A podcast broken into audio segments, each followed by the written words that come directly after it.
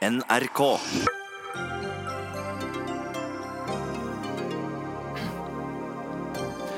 Norge fikk 55 000 nye arbeidsplasser i fjor. Dette viser at regjeringens politikk fungerer, sier næringsministeren, mens Arbeiderpartiet mener det bare skulle mangle nå som oljeindustrien er i oppgang igjen. Det er problemer innad i det britiske arbeiderpartiet Labour. Profilerte politikere melder seg ut av partiet i protest mot ledelsen. Tolga-brødrene som feilaktig ble satt under vergemål, kan bli nektet fri rettshjelp fordi de tjener for mye, men inntektsgrensen for å få fri rettshjelp, ja, den er altfor, altfor lav, sier Advokatforeningen. Og idet paven samler biskoper til et firedagers møte om seksuelle overgrep i den katolske kirken, snakker vi med kvinnen som ble misbrukt av en katolsk prest fra hun var åtte år gammel.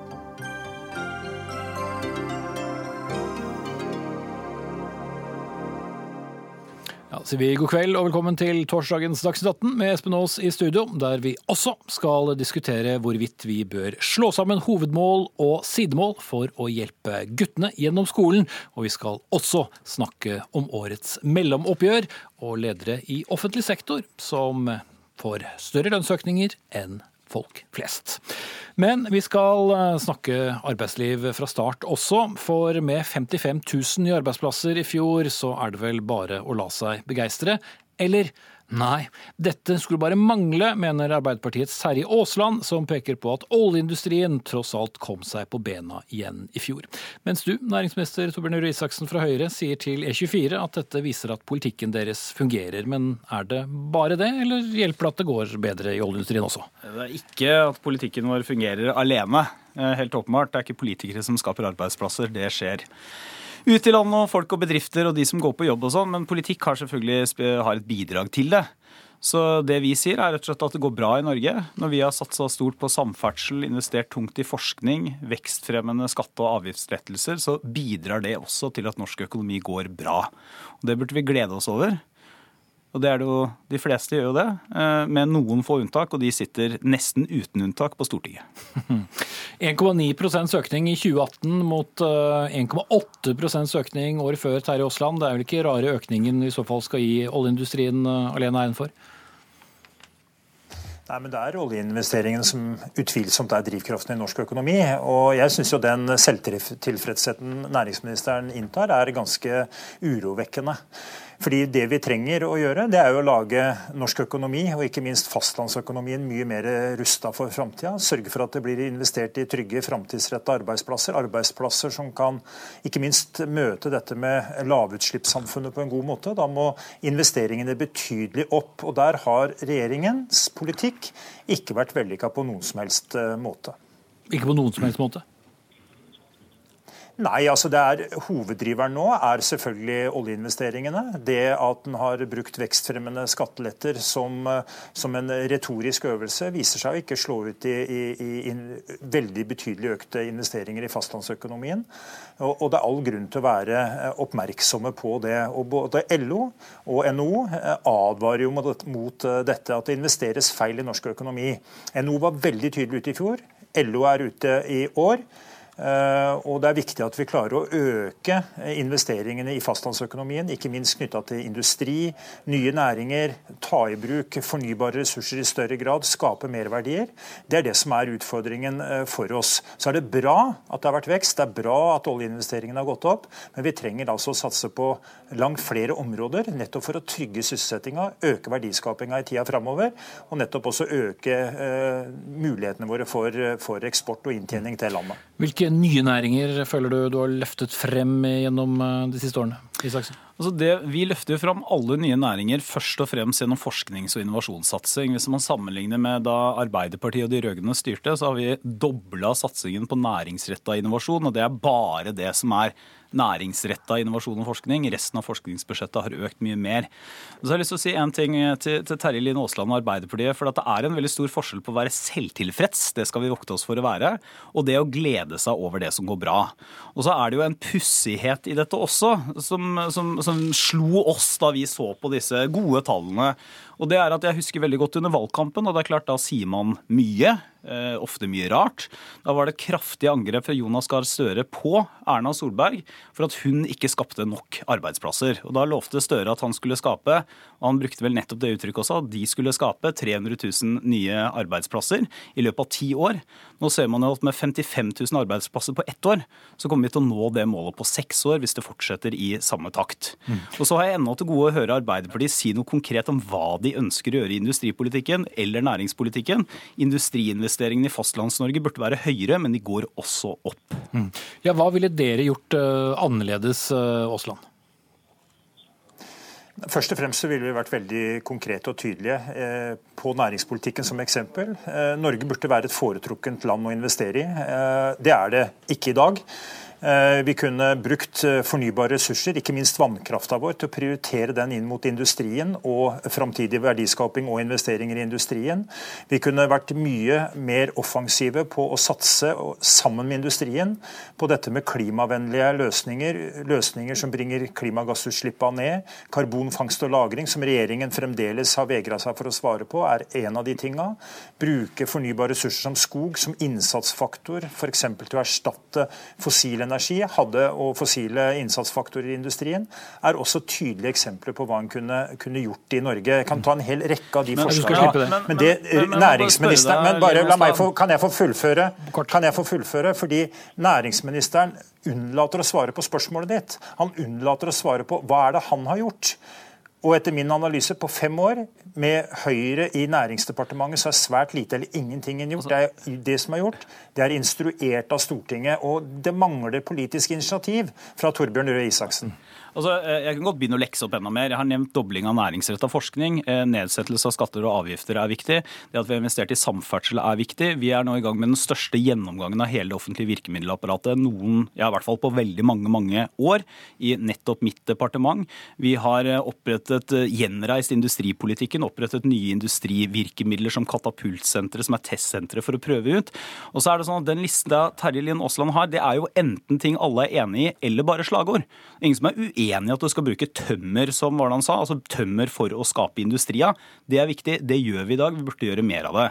Poenget er at Arbeiderpartiet har jo, når man destillerer det ned, to ting. Det ene er at de er misfornøyd med regjeringas politikk uten å være konkrete. Og det andre er at de ønsker en kraftig økning av skattene og avgiftene. Hvis man ser på Arbeiderpartiets alternativer i f.eks. industripolitikken, fornybarpolitikken, der har vi økt satsingene kraftig på bl.a. miljøteknologiordningen sammenligna med de rød-grønne. Så det er ikke veldig mye å komme med. Men har de gitt resultater? Ja, altså Det gir jo resultater i den form av at flere nå fornybarprosjekter i norsk næringsliv realiseres. Norsk næringsliv er ekstremt godt rusta til å kunne skape arbeidsplasser både av de fornybare ressursene vi har, på samme måte som vi har skapt av de ikke-fornybare ressursene vi har. Men til begge to, altså Veksten i fjor var da eh, størst uh, innenfor tjenesteyting og eiendomsdrift, bygg og anlegg, forretningsmessig tjenesteyting, og hold dere fast, kommunikasjonsfolk. Er det det vi skal leve av framtida? Vi skal vel ikke leve av kommunikasjonsfolk alene, håper jeg. Men det er jo, er jo en bransje, det også. Men bygg og anlegg f.eks. er jo en svær Norges største fastlandsbransje. Og det at den går bra, eh, er viktig for at folk skal få jobb, og at mange skal få jobb. Og så er det også viktig at hvis du ser på den langsiktige utfordringa til Norge, som jo er å få flere økonomiske bein å stå på som er at vi ikke må være så ensidig avhengig av olje og gass.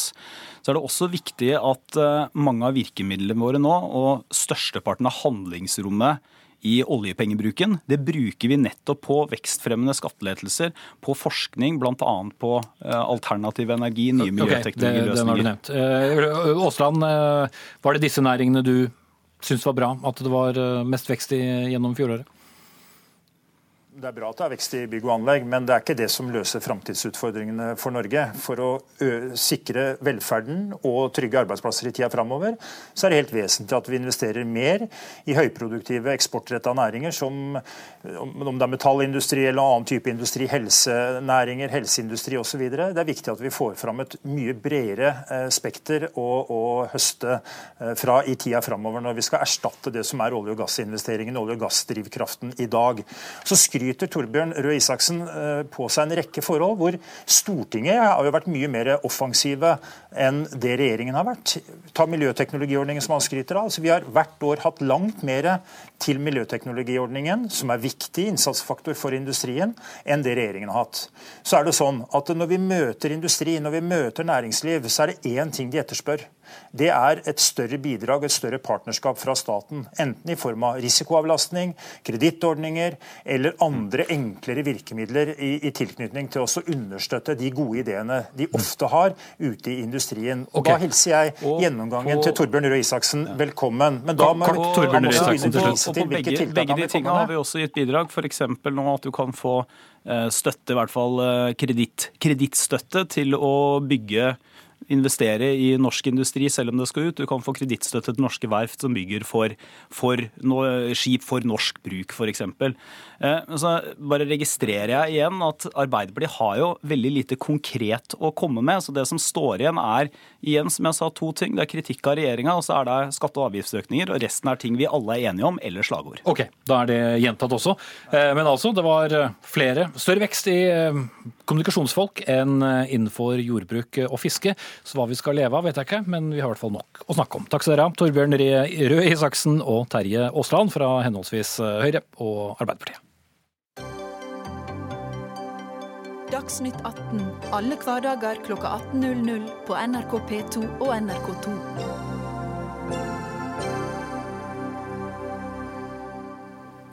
Vi skal eh, bevege oss over til eh, Storbritannia, og som om ikke de har hendene fulle med å håndtere den kommende utmeldelsen fra Storbritannia, vel, så går det hardt for seg innad i begge de største partiene om dagen.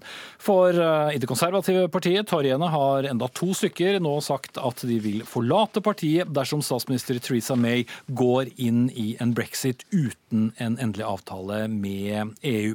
Og det markerer kanskje slutten av en uke med full splid til både høyre og venstre i politikken, etter at åtte sentrale politikere altså forlot Labour, og tre politikere altså ut av det konservative partiet tidligere uken for å danne det de kaller en sentrumsgruppering. Og Jan Erik Mustad, førstelektor ved Universitetet i Agder. Det virker kanskje ikke så rart at noen forlater et parti i protest, men dette er ganske massivt og ganske uvanlig. Ja, dette er den største splittelsen vi har sett siden 1981, da den kjente Gang of Four gikk ut fra Labour for å danne det sosialdemokratiske partiet. Eh, så dette er, dette er utfordrende for Labour å håndtere. Vi har ikke hørt noe fra Jeremy Corbyn enda. Vi har hørt fra Corbyns våpendrager, finanspolitisk talsmann John McDonald, som ikke kan forstå at disse ønsker å melde seg ut av eh, partiet. Eh, noe som kanskje viser problemene i Labour, at lederen ikke sier noe. Eh, og McDonald ikke forstår faktisk hva som, som, foregår. Så Det er ikke uvanlig at som du sier, at store partier har forskjellige fløyer, og at en av og til Eh, ser utmeldelser. Men en så stor gruppe som dette, det er uvanlig og ganske dramatisk. Mm. Og bare for å ha lagt til det, så har det jo vært en strid eh, mellom eh, Labour-leder Jeremy Corbyn og eh, John McDonald, som begge to representerer ytterpunktet rent politisk i partiet. De står begge to eh, godt til, til eh, venstre, og resten av den parlamentariske gruppen. Men etter flere feider så har de jo valgt å samle seg. Men plutselig så får vi da denne eh, voldsomme hendelsen hvor så mange forlater partiet på én gang. Og en av sakene som har ligget og ulmet her, har rett og slett handlet om antisemittisme. Ja, og dette har jo da uh, ligget der i flere år etter Corbyn eh, ble leder i 2015. At uh, uttalelser fra partimedlemmer, diverse hendelser på uh, politiske møter eh, ikke har vært tilstrekkelig håndtert av Labour-ledelsen. Eh, de har ikke fordømt disse hendelsene, de har aldri gått ut og kritisert nok eh, overtramp mot jøder. Så disse antisemittiske holdningene som vi har sett i partiet, denne trangsyntheten som de er blitt anklaga for, og også rasismen som, som mange anklager Labour-ledelsen for, dette var en av de tre hovedgrunnene til at disse åtte da forlot Labour tidligere i uka. Mm. Sammen da med håndteringen av, av brexit og det politiske ståstedet til, til ledelsen. Men man skulle jo tro at Absolutt. i 2019 at det er veldig spesielt at et så stort parti som det britiske Arbeiderpartiet skulle herjes av rett og slett jødehat. Ja, det kan du si. Nå ser vi antisemittisme bre seg på forskjellige nivåer og i forskjellige former over hele Europa, eh, og også til dels i USA. Og Oppfatningen av hva som er antisemittisk varierer nok fra land til land, fra USA, Storbritannia, Europa og, og Norge. Eh, sammen med rasistiske uttalelser, eh, sammen med en trangsynthet og mangel på rom og takhøyde. Alle disse tingene er jo definisjonsspørsmål som oppfattes veldig individuelt av de forskjellige medlemmene av de partiene det gjelder. Men det som har vært påtagelig i Labour, har jo vært eh, Jeremy Corbyns stillhet rundt akkurat dette her. Og vi vet jo at Jeremy Corbyn, ja, helt siden han kom inn i det britiske underhuset i 1983, har vært veldig sterkt pro-Palestina. Han har vært på møter med Hamas, med Hezbollah. Eh, han har nokså klart uttrykt støtte for en palestinsk stat. Og Han mener sjøl, eh, de gangene han har uttalt seg i dette spørsmålet, at eh, en må skille mellom det som da er antisemittiske uttalelser, og det som er kritikk av staten Israel. Men nettopp denne stillheten er vel kanskje det viktigste her. At det sier så mye om alle disse holdningene som kanskje finnes i Labour-ledelsen. Og det at våpendrager McDonald ikke forstår dette, det taler vel egentlig for seg. Mm. Noen gang kan stillhet eh, høres ut som torden, som noen sa. Håkon Borud, eh, du er styremedlem i Britisk-Norsk Handelskammer og seniorrådgiver i, i, First House. Eh, hvis vi går over til de konservative, så har også tre personer gått ut av partiet der. Noe som er ganske dramatisk, fordi uh, Theresa May har jo ikke engang flertall i parlamentet alene, og må da få støtte fra nordirske unionister. Og, og dette forspranget da minker jo ytterligere. Men hvorfor velger nå konservative politikere også å bryte ut når man for så vidt står så nærme den magiske datoen for eh, utmeldelse av EU? Før jeg skal svare på det, så er det, det er jo fire ting i britisk politikk nå som, som, viser at det er dyp, dyp krise her. Det ene er det vi har hørt om Labour. Eh, det andre er eh, Toryene som sliter med brexit og ikke greier å enes om noen ting nesten rundt brexit. Og der hvor Cormin blir beskyldt for antisemittisme, blir jo deler av Teresa Theresa Mays parti beskyldt for islamofobi. Så har jo liberaldemokratene snust opp denne frustrasjonen i deler av, uh, av Labour og, og Toryene og prøvd å få Det gamle koalisjonspartiet til de konservative og tilsvarende vårt eh, norske Venstre, som har slitt selv på målinger og i valg de siste årene. Nettopp. De har jo da snust ut denne frustrasjonen og prøvd å få få disse frustrerte medlemmene over til sitt parti. Det har de ikke greid. Så Cable, som er lederen der, var jo ute i dag og sagt at, at jeg har sviktet mitt parti. Det som skjer nå, er at eh, da er det åtte fra Labour som har brutt ut av partiet, og tre som du sier fra Toryens har ut og dannet det Independent Group. En gruppe som ikke har et program, de har ingen leder, de har ikke noe manifest. Men de ønsker å dra britisk politikk mot sentrum for å eh, eh, gjenskape anstendighet, som de sier, i britisk politikk. Og Heidi Allen, som er en av de eh, Tory-utbytterne, uttalte jo i dag at hennes ønske er faktisk å knuse det konservative partiet.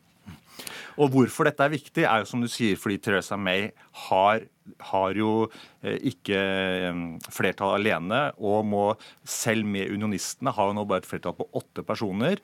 Og stadig flere Tory-medlemmer, senest to i ettermiddag, gitt ut og sa at hvis det blir en hard brexit, kommer vi også til å bryte ut. Og disse independent groups sier jo nå at det er faktisk så mange som en tredjedel av det konservative partiet som vurderer å bryte ut av partiet. Hvis det skjer, så ramler jo hele grunnlaget for Theresa Mays regjering sammen, og det er fullstendig kaos i britisk politikk. Mm. Men Jan Erik Mustad, problemet til alle som bryter ut og forsøker å lage et eh, nytt parti, vel, det heter den britiske valgordningen. og det eh, gjør det ikke særlig lett å være et uh, lite parti. Så levegrunnlaget for et nytt parti, det er ikke særlig godt. Nei, det er ikke særlig godt. Eh, og Det betyr jo at både det sosialdemokratiske partiet i 1981, som da i 1988 slo seg sammen med nettopp liberaldemokratene, forsto jo ganske fort at eh, i dette topartisystemet, med valg i enkeltmannskretser, så er det nesten umulig for små partier å slå igjennom. Et typisk eksempel er jo dette UK Independence Party, UKIP, som fikk eh, nesten 3,6 millioner britiske velgere i 2010, men fikk bare én representant i eh, Underhuset av de 650 plassene i Underhuset. Så hele det politiske systemet er jo rigga på en sånn måte for å unngå at disse småpartiene skal få noe særlig innflytelse. Så det er masse utfordringer hvis nå The Independent Group ønsker å bli et politisk parti, som den kanskje mest profilerte medlemmen av gruppa, Labours Chuku Umuna, eh, sa eh, tidligere i uka at han kanskje så for seg at dette skulle bli et politisk sentrumsorientert parti ved årsslutt eh, 2019. Men det gjenstår jo å se om de tør ta den sjansen. Mm. Eh, Håkon Borud, kort eh, til slutt. Dette forteller kanskje noe om at det er et vakuum for eh, sentrumspolitikk eh, i, i, i, Storbritannia for tiden, som jo Tony Blair og andre Labour-ledere eh, forsøkte å få til, og, og, for så vidt eh, gjennomførte, men så kom det da en moteffekt. Det er det absolutt, men dette er jo egentlig en kulminasjon av to generasjoner med frustrasjon, hvor velgerne føler at de står igjen på perrongen, og så stikker eliten av på toget. Og, denne valgordningen er jo nettopp Den, den er jo kanskje symbolet på det. Og jeg tror vi kommer til å få se angrep på den valgordningen. Det er faktisk sånn nå at De siste målingene viser at 60% av britiske velgere ikke føler seg hjemme i noe politisk parti.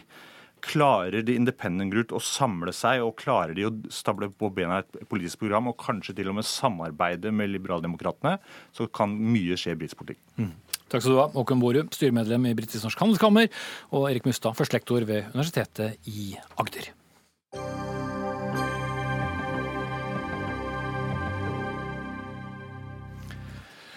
246 000 kroner. Det høres kanskje ut som et uh, høyt beløp, men tenk deg at det er den årlige inntekten din, og så lav må inntekten din være før skatt dersom du skal få innvilget fri rettshjelp. Samtidig må du ha mindre enn 100 000 kroner i formue. Og mens inntektene til nordmenn har seget kraftig de siste årene, så har inntektsgrensen for nettopp fri rettshjelp stått stille i ti år, og er faktisk nær det samme som den var i 1997, som altså er langt lenger siden. Til og med ressurssvake grupper som unge uføre har høyere inntekt enn denne grensen. Og i forrige uke eh, meldte VG at brødrene i den mye omtalte Tolga-saken risikerer å bli nektet fri rettshjelp fordi de tjener for mye, iallfall sammenlignet med denne grensen. I hele går og i hele dag så har vi i Dagsnytt 18 bedt Justisdepartementet om å kommentere denne saken, noe de citat, ikke har anledning til. Sitat slutt, som det da altså heter seg. Men eh, Merete Smith, du er generalsekretær i Advokatforeningen. Eh, hva forteller denne inntektsgrensen? Er den eh, for lav? Den er alt, altfor lav. Og det tror jeg egentlig alle er helt enige i. Selv Så hvorfor er den der, da? Ja, Det kan man jo spørre om. Eh, det er vel fordi det vil koste penger å ha en høyere inntektsgrense. Og så er det fordi at eh, det er lite fokus på problemstillingen. Kanskje tenker man at dette handler om å få et advokatråd for å kunne krangle med naboen. Men det man glemmer, er at dette er saker som er veldig viktige for folk. Og det er bare de helt sentrale, kjempeviktige sakene man i det hele tatt har mulighet for å få rettshjelp. Hva er en sentralt kjempeviktig sak? Ja, for så kan det være spørsmål om hvis du er usaklig oppsagt, det kan være spørsmål hvis du blir kastet ut av boligen din, eller som i denne saken her, saker hvor uh, det offentlige, kommunen eller staten, har gjort uh, alvorlige feil som får store konsekvenser for velferden din. Og La meg nevne to eksempler som jeg fikk, uh, som to forskjellige advokater ringte til meg for å fortelle meg om i dag, for å liksom vise hvor hjerteskjærende noen av dem er. Det ene var en alenemor som var blitt sterkt ufør. Hun ba om å få personlig assistanse, altså stønad fra kommunen til hjelp til det. Eller det som heter BPA, tror jeg. Og det fikk hun ikke. De sa at hun måtte være på et sykehjem. Så hun fikk altså valget mellom enten å få gi helt umulige omsorgsoppgaver til sin ni år gamle sønn, eller å forlate han. Mm. Kjempeviktig for henne. Og hun øh, tjener da for mye med sin, den uførestønaden til å få fri rettshjelp. En annen sak var en dame omtrent på min alder som har blitt sterkt ufør pga. MS. Hun ble lagt inn på sykehjem mot sin vilje. Hun ønsket å få advokathjelp for å klage på det vedtaket. Det får hun ikke fordi hun tjener for mye. Altså Dette er kjempeviktige saker for folk. Og bare for å ha brakt det på det rene, når du da skal bære kostnaden selv, så blir det fort høybeløp for en, en lønn på ja, mellom 250 og 300 000 f.eks. Altså det varierer veldig hva slags saker det er. Noen av dem er ikke så høye, men skal du til retten, så er det selvfølgelig høye beløp. Men jeg mener selv eh, relativt lave beløp blir jo veldig store for folk med inntekter på den størrelsen her. Men hvorfor tar det så lang tid? Altså, dere jobber jo med dette, og du er selv medlem i et da, regjeringsoppnevnt utvalg som fikk i oppdrag med, med, å gjennomgå denne rettshjelpsordningen, men dere har da tid på dere fram til 1. mai 2020. Kan man skjære gjennom allerede nå? Altså jeg, mener, jeg, er veldig glad for at det utvalget er nedsatt, og vi og hilser det virkelig velkomment. Og det er viktig arbeid som skal gjøres i det utvalget. Men akkurat når det gjelder spørsmål om inntektsgrensen, om 246 000 er for lavt. Jeg mener, Man trenger ikke et utvalg for å utrede det. Og et utvalg tar tid for å bli ferdig. Vi skal se på liksom hele regelverket og hele ordningen. Og det er viktig, og de reglene mener jeg ikke skal endres nå. Men akkurat dette her, inntektsgrensen, som er så lav, og som medfører at stadig færre eh, mennesker i dette landet faller inn under ordningen, det trenger man ikke et utvalg for å se på. Det kan regjeringen gjøre med en gang. Men 1,1 eh, millioner nordmenn hadde jo da en bruttoinntekt under 250 000 kroner i 2017. Hvis vi ser på SSBs eh, tall, så er det jo ganske mange, da. Ja, men alle disse her har jo ikke problem, et problem som de trenger juridisk hjelp til. Husk på det er flere vilkår som skal til. Det er ikke bare at hvis du har det lavere inntekt enn dette, så kan du gå til en advokat og få hjelp til alt mulig. Det skal jo være spørsmål som er helt sentrale for din velferd. Og det er jo nettopp poenget. altså jeg tror øh, politikerne undervurderer hvor viktig fri rettshjelp er nettopp for folks velferd. Det er ikke liksom bare spørsmål om å gå til en advokat og få et eller annet juridisk råd. Det er velferden deres det handler om. Det er helt sentralt gode i vårt samfunn. Mm. Da sier vi takk til deg, Merete Smith, generalsekretær i Advokatforeningen. Og bare for å gjenta det, vi forsøkte altså i to dager å få en kommentar fra Justisdepartementet, uten at det lyktes.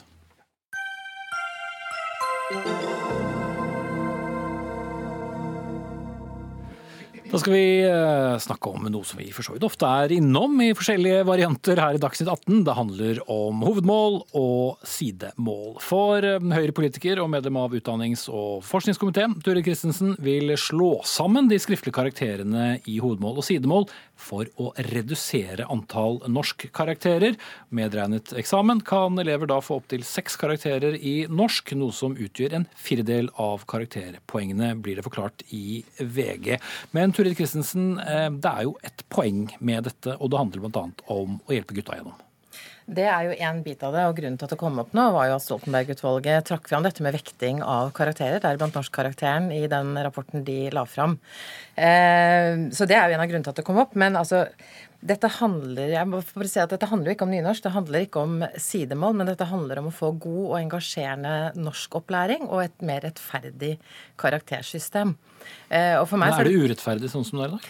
Eh, ja, jeg opplever det. Hvordan da? Altså, Den første grunnen til at jeg syns det er viktig, det er at vi har hatt en evaluering av eh, en forsøksordning som har hatt færre skriftlige karakterer i eh, standpunktkarakter i norsk. Mm. Den evalueringen viser at lærerne sier at de får en mye mer engasjerende undervisning. Det blir mye mer fokus på eh, leseopplevelse. De klarer å gi flere tilbakemeldinger, snarere enn at de har sittet i et byråkratisk system som har gjort at de har brukt masse tid på prøver. Grunnen til at jeg syns det er urettferdig, er jo at et system som lar deg ha så mange karakterer i norsk, det er jo en stor eh, fordel for de som er gode i språk, gode i norsk. Eh, men det er jo ditto mer uheldig til de som da har sine styrker på andre fag. Og disse karakterene avgjør jo hvilken videregående skole du kan komme inn på, og senere på universitet og høyskoler. Mm. Og da er det viktig å gå på norskfaget? Altså, det er jo det eneste faget som har så mange karakterer i et fag som har kun én eh, fagplan. Altså det at du kan ha 25% av eh, karakterene dine på videregående i norsk, eh, faktisk enda mer i, på ungdomsskolen. Der kan du ha hele 7 av 18 karakterer, altså over en tredjedel. Norsk er et veldig viktig fag, men jeg syns at vi skal se litt mer på rettferdigheten i systemet. Mm. Den observante radiolytter eller TV-seer har kanskje hørt litt uh, sukk og stønn ja. under uh, ditt fremlegg her, og de kommer fra deg, Fredrik Hope, mm. leder i Norsk Målungdom. Hvorfor sukker du? jeg sukker av flere grunner. og Den viktigste grunnen er jo kanskje at det å fjerne karakteren i sidemål, som dette i praksis ofte kan bli til, da, eh, det er jo noe som kanskje pynter på statistikken.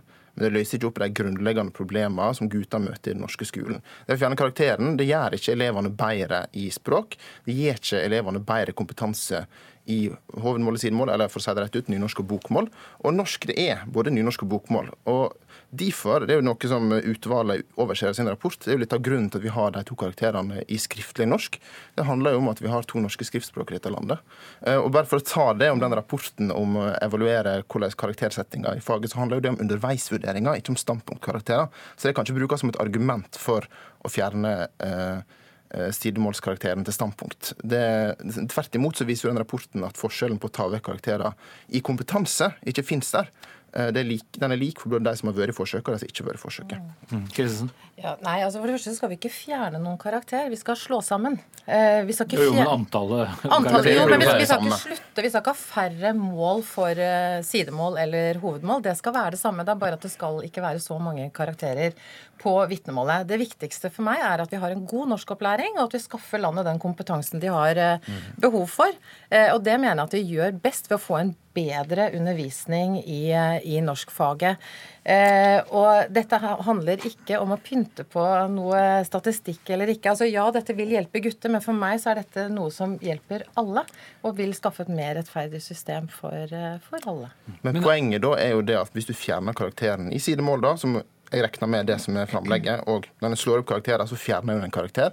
Så ser en det at sist en gjorde det, når en fjerna den obligatoriske standpunktkarakteren til eh, sidemål, eller slutta med obligatorisk eksamen i sidemål på videregående, så gikk jo kompetansen ned i sidemål, eller i nynorsk for de aller fleste. Uh, og Det syntes sensorrettleggerne rett ut. Og det er jo, og det poenget syns jeg jo at Kunnskapspartiet Høyre må ta med seg. da, At i en skole som er karakterbasert, så vil det da særlig for liksom et, en del av norskfaget som å lære et eget språk eh, være så viktig å ha en egen karakter for å syne fram den kunnskapen elevene får. Mm. Men Det er lett å tenke at det er en litt sånn eh, billig måte å, å pynte litt på, på tallene. Fjerne noen karakterer, så er det færre uh, å legge det på. Og Hvordan skal du vekte da sidemål og hovedmål, som i dag er vektet like mye? Skal det få noen betydning for den sammenslåtte karakter? Eh, altså, for det første så fjerner vi ingen karakter, men vi slår sammen to. Nynorsk skal ja, det betyr det samme. Nei, det gjør ikke det. Ja, det, altså, det er, I praksis skal... er det å fjerne sidemålskarakterer. Nei, det er ikke det. Og forsøkene ja. har jo vist at når du har gjeldt standpunktkarakterer, så har lærerne fint klart å sette karakter, samlet karakter, i norskfaget. Men skal det, det telle like mye i det sammenslåtte faget? Altså, Dette får man komme tilbake til, og dette er det fagpersoner som bør uttale seg om. Men av de som har gjennomført dette forsøket, har ikke da opplevd at det har vært noe vanskelig å sette disse karakterene karakterene samlet sett, altså.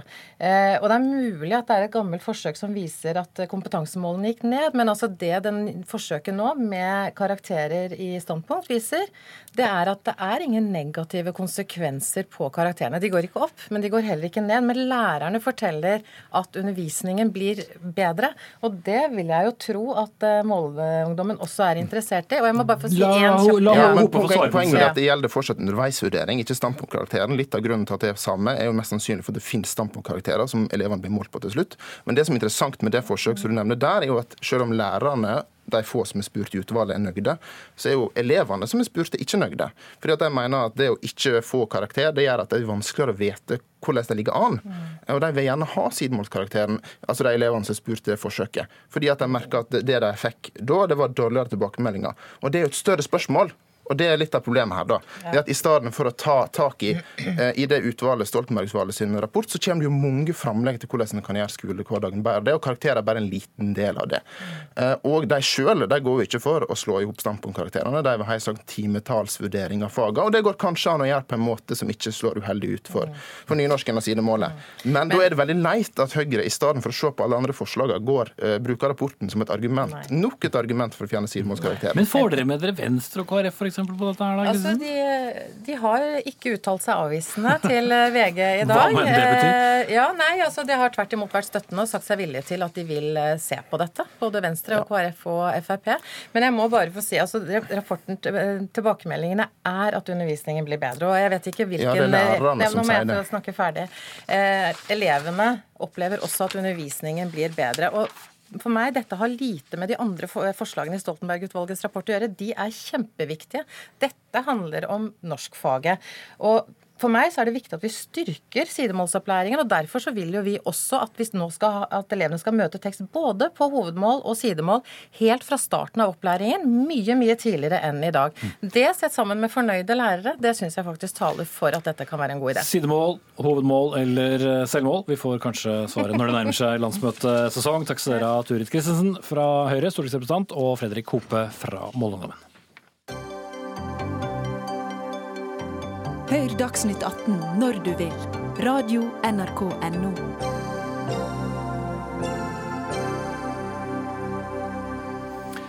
Og mens det våres i luften i store deler av landet, så kjenner kanskje noen også at det nærmer seg årets vakreste eventyr, som noen av oss kaller det, nemlig lønnsoppgjøret. Nå er det riktignok bare et mellomoppgjør i eh, år, men eh, mange ser jo frem til å kanskje få iallfall en liten økning i lønnen.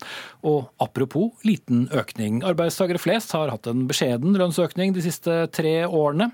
Mens eh, ledere og direktører i det offentlige har eh, hatt det bedre. Det er for øvrig en gruppe ledere som har en snittlønn på over 1 million kroner i året, viste tall fra Teknisk beregningsutvalg som kom denne uken. Og Ragnhild Lid, leder av Unio, landets eh, nest største arbeidstakerorganisasjon, med hovedsakelig offentlig ansatte da, som medlemmer. Det er vel godt å kunne belønne gode ledere?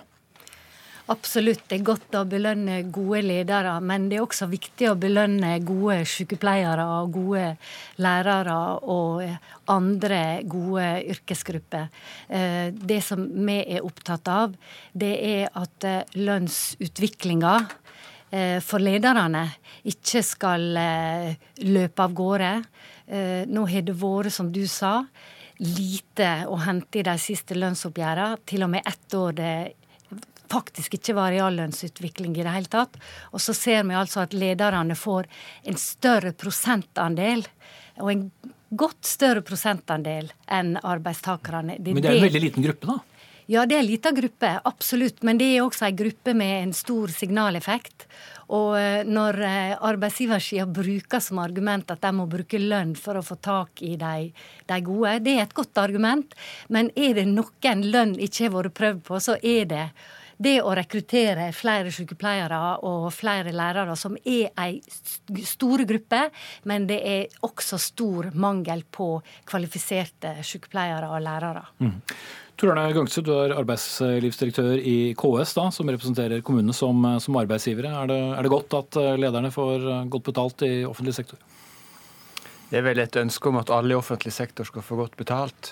Men det vi ser her, det er jo at lønnsutviklinga blant lederne i offentlig sektor er større enn for andre grupper. Og det er nok først og fremst et uttrykk for hvordan kommunene eh, lokalt opplever konkurransesituasjonen. Og så jeg må få lov å understreke at det er jo den enkelte kommune som framforhandler lønn for sine ledere. Eh, det er ikke noe vi gjør sentralt. Uh, og Det er klart at det er nok et uttrykk for at man opplever at rekrutteringsutfordringa er stor. Vi har sett at gjennomtrekket fra blant f.eks. For, for norske rådmenn er stor. Det er stor utskiftning av toppledere i kommunal sektor. Og det gjelder jo også andre deler av, av ledersjiktet i kommunal sektor. Vi ser i tillegg til at det er ganske store omstillingsprosesser som er ute og går. Og så ser vi også at kommunesektoren, både kommunene og fylkeskommunene, er gjenstand for store omorganiseringer med sammenslåinger av kommuner og fylkeskommuner til nye regioner. Og der ser vi jo at det er jo en av forklaringsvariablene som, som er med på å forklare hvorfor lønna stiger. Og Det som er interessant her, det er jo at lønna ser ut til å stige for, for lederne, men antall ledere ser også ut til å gå ned. Så Ragnhild Lids medlemmer de får bare holde seg litt for nesen og godta det, og tenke på at de får i hvert fall ledere som er gode på å sikre omstilling for dem eh, når de skal omstilles?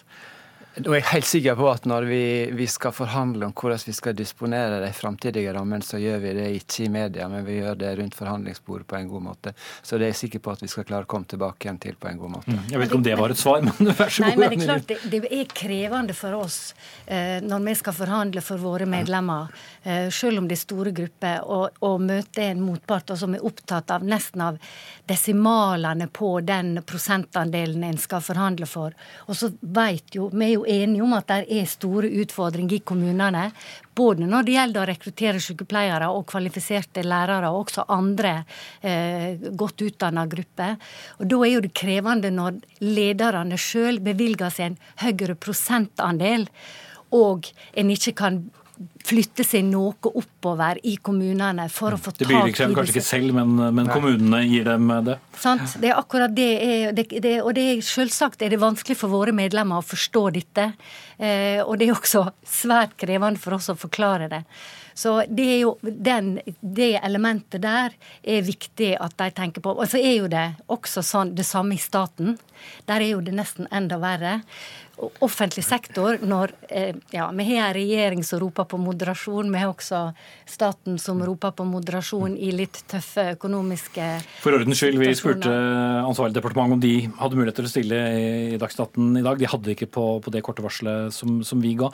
Men altså, Gagsø, jeg har selv dekket lønnsoppgjør nesten 20 år. Jeg syns vi har denne diskusjonen i hvert fall annethvert år når det er hovedoppgjør, men egentlig har vi det hvert år med, med lederlønninger. Mm. Det er jo litt rart at det alltid skal være sånn. Vi får bare regne med at det er sånn. Det er forskjell på, på leder og sykepleier eller eh, leder og menigmann. Nå har du dekka lønnsoppgjørene lenger enn det jeg har vært med, men, eh, men, eh, men, jeg tror nok at hvis du ser på utviklinga over litt lengre tid, så er det sånn at i perioder så er det lederlønningene i, i, i privat sektor som øker. Og så ser vi jo etter hvert at nå har jo lederlønninger Men de setter jo gjerne rammene, da, privat sektor, for de forhandler før Og det har jo vi vært veldig enige om, at vi har en god lønnsdannelsesmodell i Norge.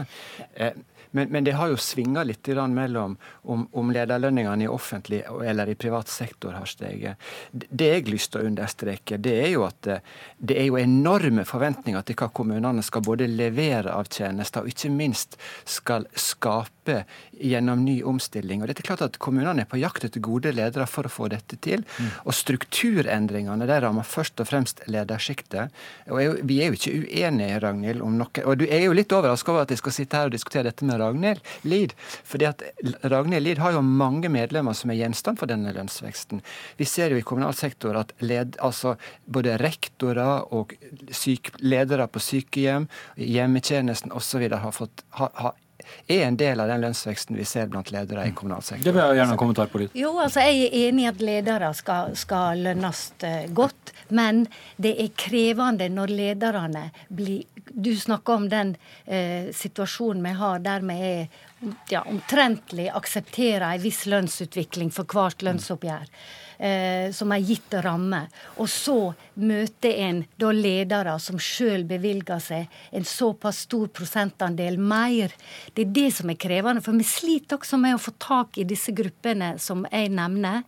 og men er det rart at ikke de samme mekanismene slår inn. Hvis man bruker økt lønn for å rekruttere gode ledere, så må vel kommunen tenke at hvis de skal ha de beste sykepleierne, de beste lærerne, så men, Må vi legge litt mer penger på potten? Men kommunene tenker jo også sånn. altså at man bør, Vi har jo lønns, et lønnssystem i kommunal sektor som gjør at vi både framforhandler noen garantilønnsbestemmelser sentralt, men at det også normalt skal være rom for noen tilpasninger lokalt, slik at kommunen skal kunne bygge opp et lønnssystem som gjør at man er i stand til å rekruttere den arbeidskraften man er på jakt etter. Ja, og det er det lønnssystemet det er så lite vilje til å bruke. For det er altså rom i tariffavtalene også for å bruke lønn for å rekruttere disse disse gruppene som jeg er opptatt av nå.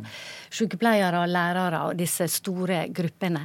Men det er så lite vilje til å bruke det. Det er brukt i altfor liten grad. Og vi, blir til og med møtt med en sånn litt sånn tvil på om det virker. Det er iallfall viktig, eh, Tor Arne Gangse, at vi er enige om at lønn virker ved rekruttering, og da må en også være villig til å bruke det på våre grupper. Mm. Vi får en uh, endelig fasit først, eh, da også neste år, uh, hvordan lønnsutviklingen ble. Men vi får i hvert fall en pekepinn når vi kommer enda nærmere sommeren. Takk skal dere ha, Ragnhild Lid, leder av Unio, og uh, Tor Arne Gangsø, arbeidslivsdirektør i KS. Og bare for å ta med det, da, det var kanskje noe godt nytt i tallene fra det tekniske beregningsutvalg, nemlig at den gjennomsnittlige lønnen for kvinner tar innpå menn, men fortsatt så tjener en kvinne 88,5 av det en mann gjør.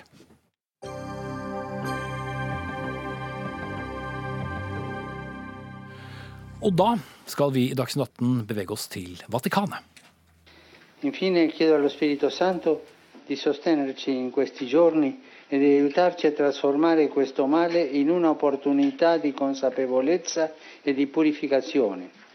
La Vergine Maria ci illumini per cercare di curare le gravi ferite che lo scandalo della pedofilia ha causato sia nei piccoli sia nei credenti.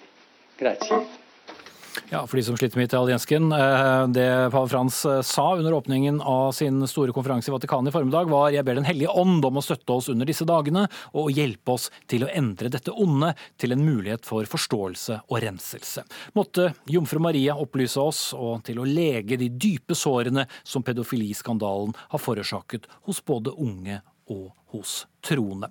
For Katolske kirkeledere for hele verden samles altså fra i dag av eh, for å diskutere hvordan seksuelle overgrep kan bekjempes. Den romersk-katolske kirken er jo i en årrekke blitt rammet av en rekke avsløringer av seksualforbrytelser begått av prester i en rekke land. Mange av ofrene er gutter og menn, men også kvinner er blitt rammet. Og først i denne delen av sendingen så skal vi eh, til deg, Teresa Tolmi McGrain. I dag jobber du som psykolog i Fredrikstad, men det var på et barnehjem i ditt opprinnelige hjemland, Skottland i Storbritannia, at du som åtteåring ble utsatt for seksuelle overgrep. Og hvis du kort kan ta oss tilbake til din barndom. Ja. Jeg ble jo plassert på barnehjemmet da jeg var seks år gammel. Um, og når jeg var uh, syv, så fikk jeg første nattverd.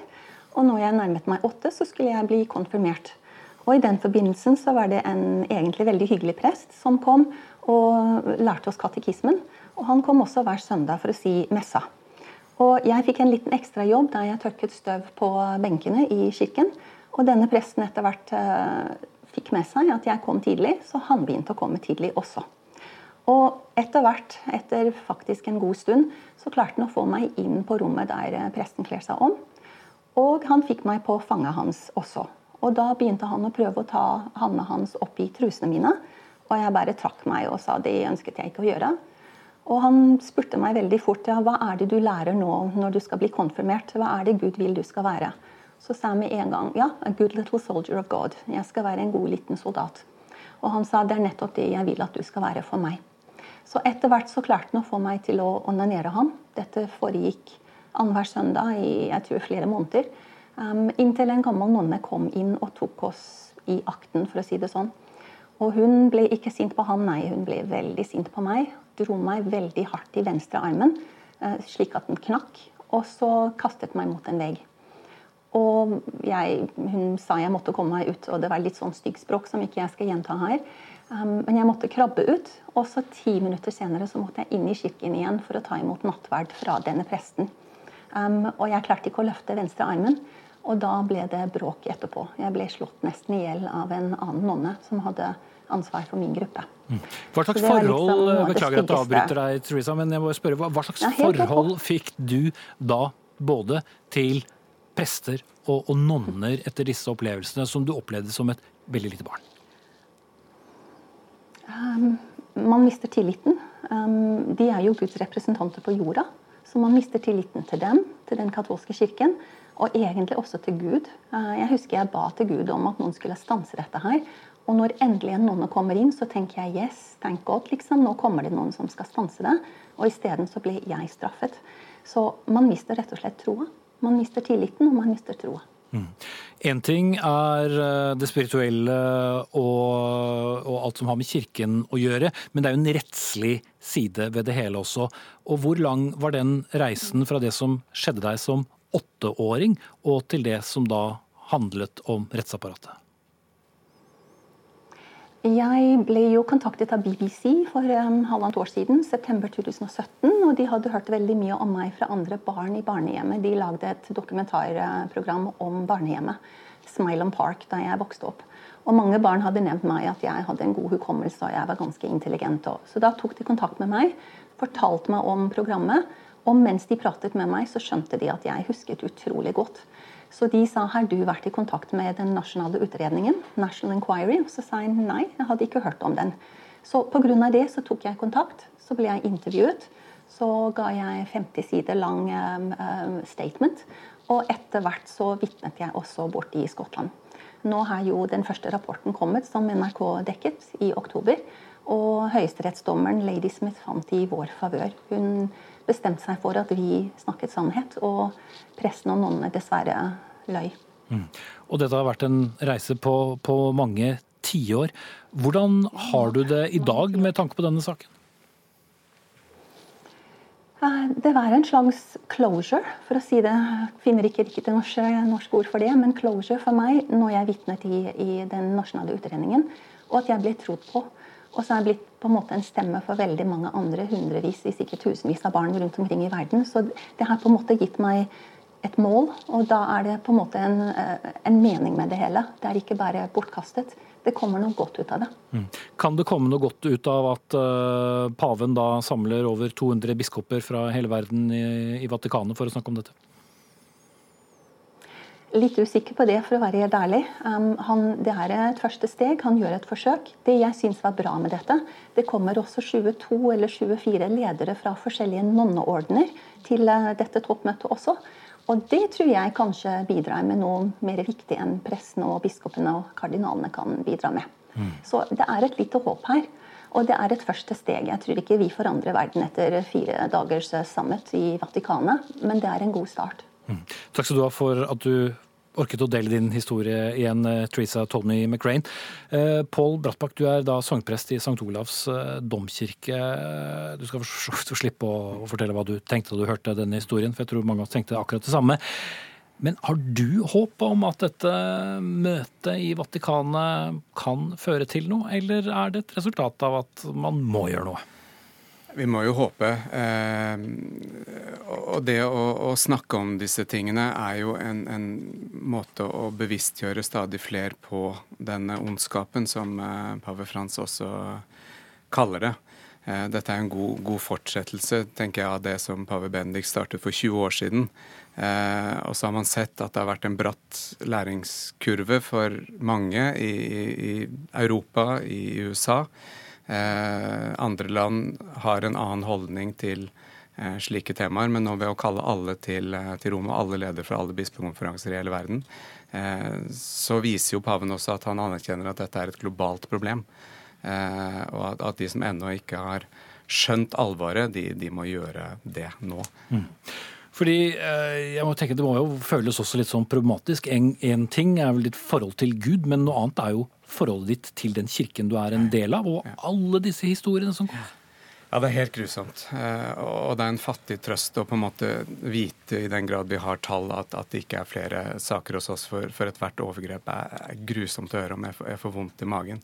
Eh, og jeg har jo møtt eh, folk som har vært utsatt for overgrep. Ikke, ikke av folk i kirken, men, men i familier og, og sånn. Og det å, å se noen av de sårene som disse menneskene påføres, og Hvis man da dobler en del av det også når du trekker inn alt religiøse og sånn så, ja, Misbruk i, i herrens navn? Ja, ja det, det, det, blir jo dobbelt grusomt i den grad det er mulig. Eh, og det er noe av det fine også, tenker jeg, som pave Frans nå har eh, tatt inn i dette her. Han har anbefalt alle som skal delta i denne konferansen, å sette seg ned og snakke med folk som er utsatt for overgrep. For dette handler ikke om tall, det handler om mennesker som har det vondt. Eh, og når du har møtt dem, snakket med dem, så, så håper jeg at, at, flere også skjønner eh, at man må handle. Mm. Turid Skorpe Landheim, du er konstituert daglig leder ved Kirkelig ressurssenter mot vold og seksuelle overgrep. Eh, det er også mange overgrep knyttet til kirken i, i Norge. Dere fikk nylig en rapport utført av åtte personer, deriblant forskere og, og teologer. Hva, hva fortalte den? Det viktigste er at alle forstår at overgrep kan skje i sin egen sammenheng. Eh, og det er, Vi har ikke statistisk eh, materiale som sier at eh, overgrep og seksuelle overgrep skjer mer i kirkelige sammenhenger enn ellers i samfunnet. Så det kan vi ikke si så mye om. Men som det som har skjedd i Den katolske kirke viser, så er det veldig viktig å tenke tanken at det kan skje hos oss. Og, det er òg viktig å tenke tanken at dette kan skje at det, det, er ledere hos oss som kan begå overgrep. For i en del kirker så vil man uh, ha erfaring med at folk forteller om overgrep, men da kan det kanskje være i nære relasjoner, eller det kan være noen som ikke har kirkelig tilknytning. Og så er det å, å da tenke tanken at faktisk kan vår egen prest òg være en eh, mulig overgriper. Det er viktig for det arbeidet som skjer. Det er en krevende øvelse, men det er helt avgjørende for å håndtere dette på en god måte. Mm. Så hørte vi jo i historien til uh, Teresa at det var, jo ikke, var presten som det ble reagert overfor, det ble jo mm. barnet som var det syndige i en alder av åtte mm. uh, år. Hvorfor har det vært så tabubelagt å kunne snakke om dette i kirken? Eh, seksualisert vold eh, er tabu i hele samfunnet, og det er òg tabu i kirkelige sammenhenger. Det som Therese forteller om, at eh, det er hun som får kjeften, det, det er dessverre ikke en uvanlig historie. Det er Folk som er utsatt for overgrep og som er offer for noe, blir gjerne tillagt skulden for det. og Derfor setter hun skammen seg så fast, og det får så dype og alvorlige konsekvenser. Mm. Mm. Eh, tilbake til deg, eh, Brattbakk. Eh, hva tenker du om at det har tatt så lang tid før disse oppgjørene kommer? Ja, som du sa, det, det ble startet noe ved den eh, forrige paven. Men det er jo stadig kritikk mot at det ikke skjer nok. Mm, ja, og det kan alltid gjøre, gjøres mer. Eh, jeg er glad for alt det som gjøres. Eh, og, dette er mer enn en fortsettelse. Eh, det går litt i rykk og napp om, dette kommer i media eller ikke. Eh, nå har det vært en, en ny runde hvor man samler tallmateriale i USA f.eks. Eh, det vil alltid bli store tall i våre sammenheng, dessverre. Ikke nødvendigvis for at det skjer flere overgrep, men fordi at det er, en, ja, det er 1,2 milliarder mennesker vi, vi snakker om her. Eh, men, men arbeidet er, er, påbegynt, det må fortsette. Og det at man ikke hører om det i media, betyr ikke at det ikke gjøres noe, heldigvis. Mm. Nå er det vel, så vidt jeg forstår, ingen eh, nordiske biskoper med på dette møtet? Vi har eh, biskopen av København, så vidt ah. jeg eh, har fått med meg i dag, er der. For det er alle, alle ledere for alle såkalte bispekonferanser i hele verden er der. og han han er lederen for, for Norden, så, så, han skal være der. Mm. Men hva vet vi om vår egen hjemlige katolske kirke? da? Så vi har jo hatt saker, vi også. Eh, den mest kjente, en biskop i, i Trondheim. Eh, og det ble nok eh, for mange av oss her en øyenåpner. Jeg husker jeg våknet opp den morgenen og tenkte hva skjer? Ikke? Eh, man vil jo ikke mistenke noen i egen sammenheng, eh, men, men, vi har hatt et godt samarbeid også med, med Kirkelig ressurssenter. Eh, jeg tror at som, den lærdommen som, som, Den katolske kirke sitter på nå, er verdifull, og den må vi dele med andre deler av kirken. Men også andre deler av samfunnet. Vi har hatt en, en, bratt læringskurve og har kommet dit at jeg tror også vi kan være en, en ressurs for andre i disse sakene. Ja, Landem, Det er jo som vanskelig å si at man ikke har noe tro til et sånt uh, møte. Men hva skulle du gjerne sett når disse berømmelige fire dagene er ved veis ende? Jeg, jeg ønsker meg ei kirke som går i front, og som nå setter seg i førersetet, og som kan eh, anerkjenne den kampen som de utsatte har stått i. For her er det noen som ikke har gitt seg, selv om eh, For nå lytter endelig ord er toppen. Helt paven har sjøl, som Brattbakk sa, at uh, lytt til fortellingene. Og det er, faktisk, det er kjempeviktig å si. Det viser seg at det å ta fortellingene på alvor og ta historiene på alvor, det er fortsatt krevende den dag i dag. Så det er et viktig startpunkt. Så uh, det er viktig at dette skaper en ny praksis med endring og verdighet for de utsatte. Mm. Theresa Tommy McRain, du har eh, lyttet til eh, vår samtale. Du skal eh, få lov til å avslutte denne delen også av Dagsnytt 18. Hva vil du gjerne se ved slutten av disse fire dagene?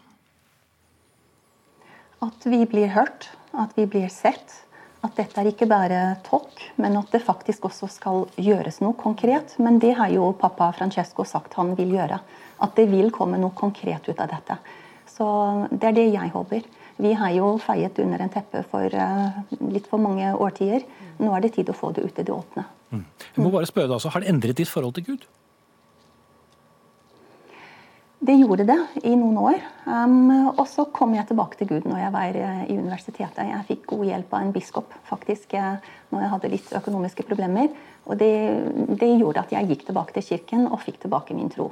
Men den forsvant i noen år. ja.